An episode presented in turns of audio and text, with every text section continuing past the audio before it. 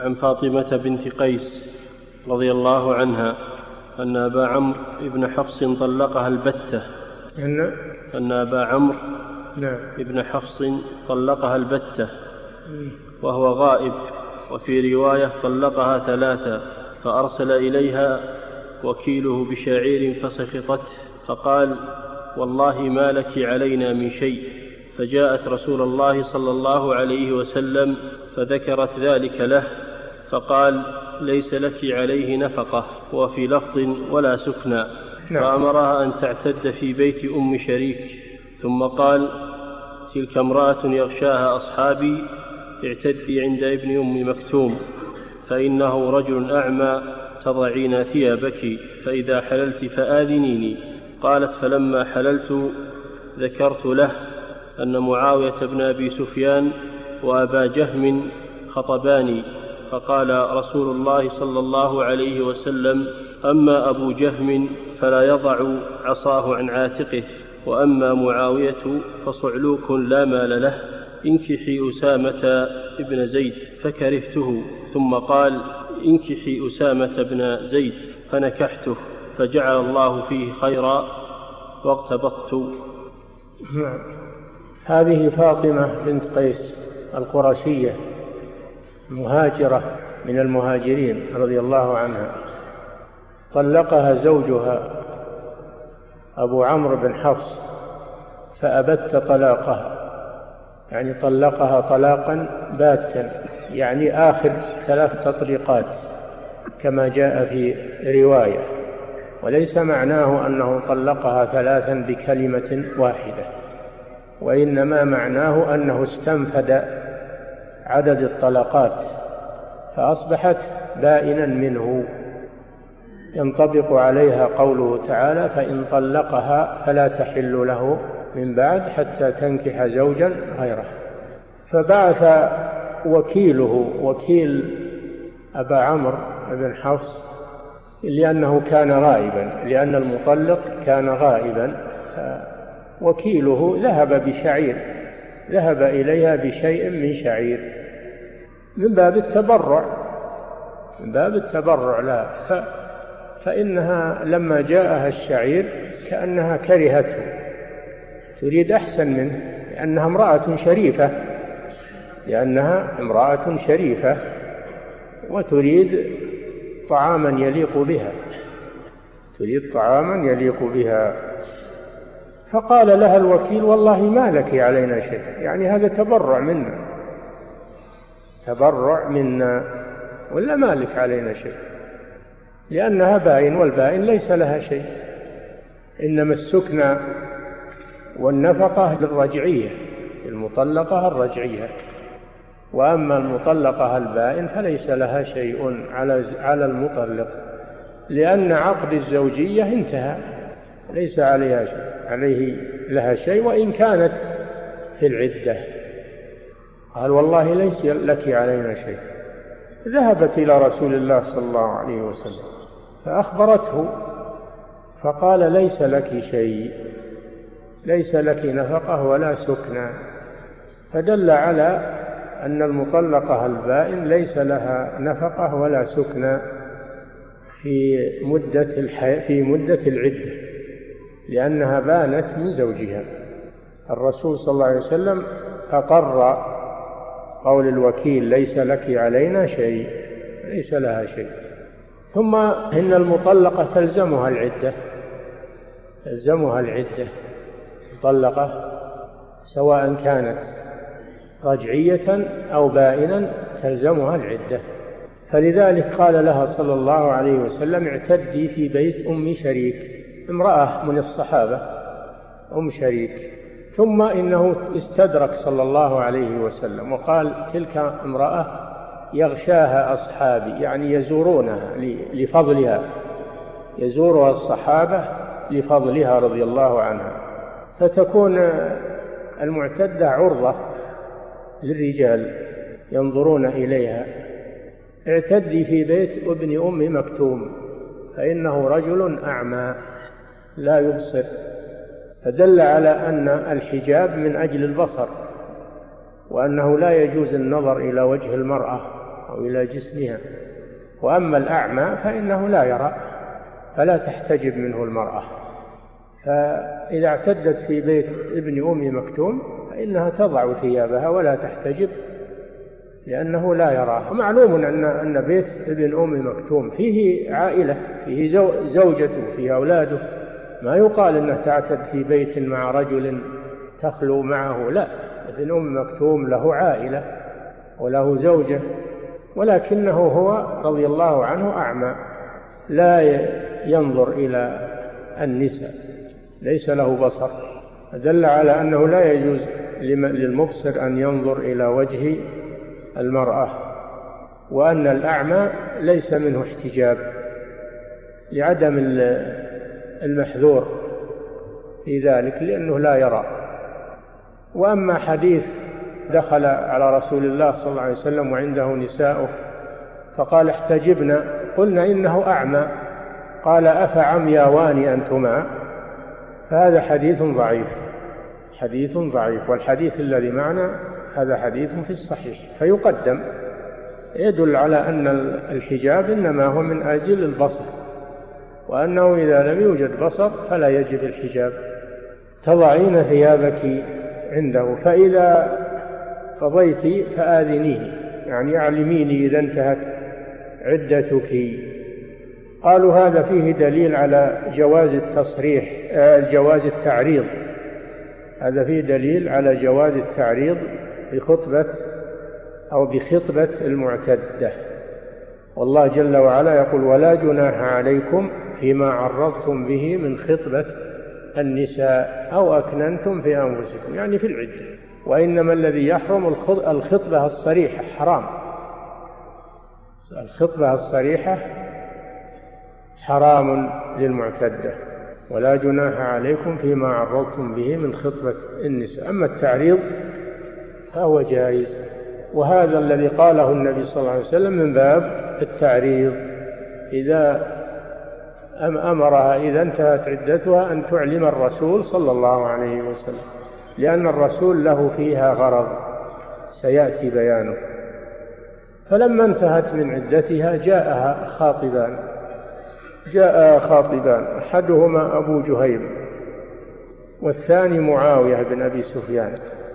فجاءت تستشير النبي صلى الله عليه وسلم أيهما تتزوج؟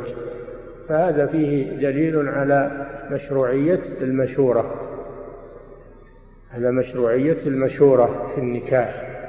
جاءت تستشيره فقال صلى الله عليه وسلم أما أبو جهيم فلا يضع العصا عن عاتقه. قيل معناه أنه يضرب النساء. وقيل معناه أنه كثير الأسفار. لا يضع العصا يعني مسافرا. فيكثر غيابه عن المرأة. وهذا فيه ضرر على المرأة سواء كان المعنى أنه يضرب أو المعنى أنه يسافر هذا فيه ضرر على المرأة. وأما معاوية فصعلوك لا مال له يعني فقير. ففيه دليل على أن المستشار على أن المستشار يبين ما يعلمه مما استشير فيه من الأشخاص ولا يعد هذا من الغيبة. لأن هذا من النصيحة وليس من الغيبة. فلا شك أن ذكر أبا أبا جهيم ومعاوية أن هذا فيه نقص في حقهما ولكن المصلحة راجحة في هذا. فيه مصلحة راجحة وهي النصيحة للمستشير. فلا يجوز لمن استشارك أن تكتم عنه شيئا بل تبدي له ما تعلم. في الأشخاص وليس ذلك من الغيبة وإنما هو من باب النصيحة. انكحي أسامة بن زيد. أمر لما بين أن هذين الرجلين لا يصلحان لها وجهها في أن تست... في أن تنكح أسامة بن زيد. أسامة بن زيد بن حارثة. زيد بن حارثة مولى رسول الله صلى الله عليه وسلم وأسامة ابنه وكلاهما يحبه رسول الله صلى الله عليه وسلم حبا شديدا فهما حبيب رسول الله صلى الله عليه وسلم. فكأنها كرهت ما قاله الرسول صلى الله عليه وسلم لأن أسامة مولى وهي شريفة قرشية وأسامة مولى. ولكن ليس لها بد من طاعة رسول الله صلى الله عليه وسلم. فأطاعته وتزوجت أسامة فكان في ذلك الخير الكثير. قال تعالى وعسى أن تكرهوا شيئا وهو خير لكم. فالرسول صلى الله عليه وسلم لما أمرها أن تنكح أسامة هذه مشورة بالخير. وإن كان ظاهرها فيه غضاضة على المرأة لكن طاعة الرسول صلى الله عليه وسلم فيها الخير. فنكحت أسامة فكان في ذلك الخير الكثير لما أطاعت رسول الله صلى الله عليه وسلم. فهذا الحديث فيه مسائل عظيمة. أولا فيه سؤال أهل العلم فإن فاطمة لما كل عليها أن المعتدة البائن لا نفقة لها سألت النبي صلى الله عليه وسلم.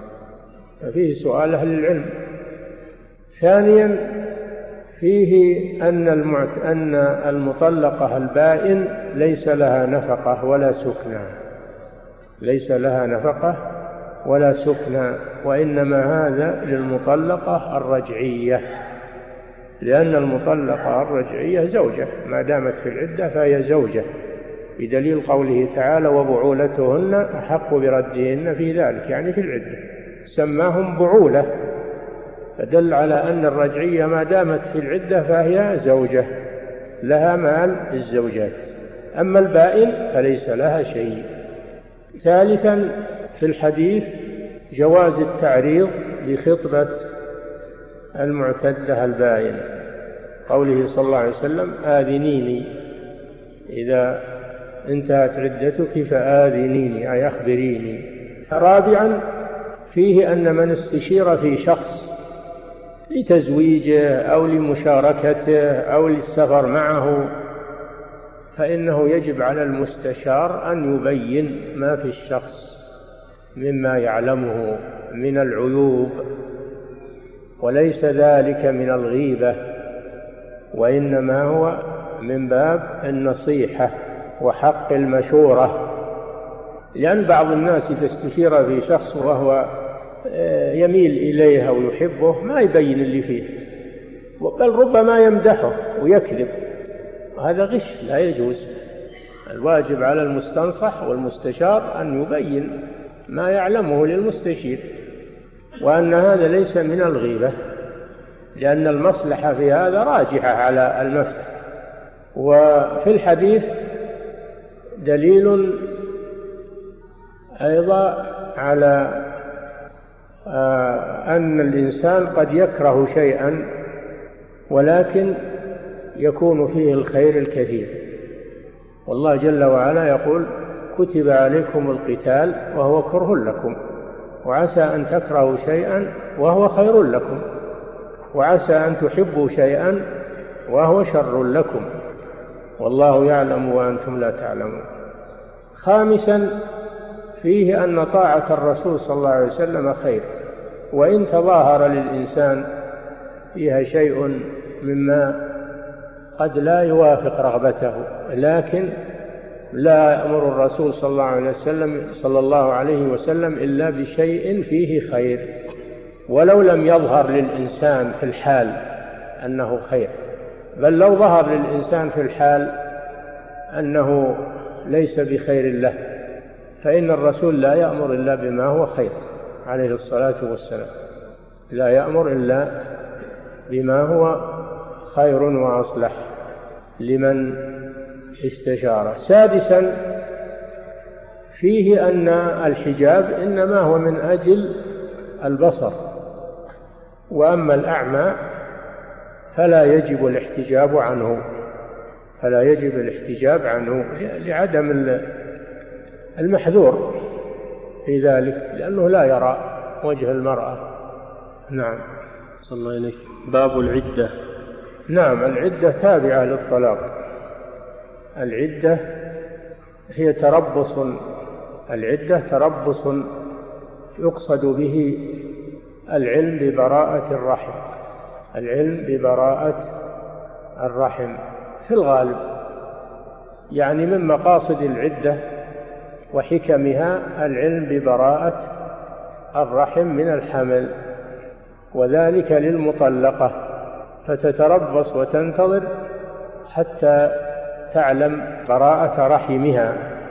لئلا تنكح وهي حامل فتختلط الأنساب تختلط الأنساب. ومن الحكم في العدة أن فيها احتراما للزوج المفارق فيها احترام للزوج المفارق بأن يجعل له حريم من المدة تتزوج بعده بآخر. ولا يتزوجها رجل آخر مباشرة بعد الطلاق. ففي هذا حرمة المطلق وحرمة المفارق. وفيها حكم كثيرة. فيها حكم كثيرة. وفيها كما سبق إتاحة الفرصة للزوج أن يراجع إذا كان الطلاق رجعيا. فالحكم في العدة الواضحة لنا. أولا العلم ببراءة رحم المرأة المطلقة لئلا تختلط الأنساب. ثانيا فيه إتاحة الفرصة للزوج المطلق أن يراجعها إذا كان الطلاق رجعيا.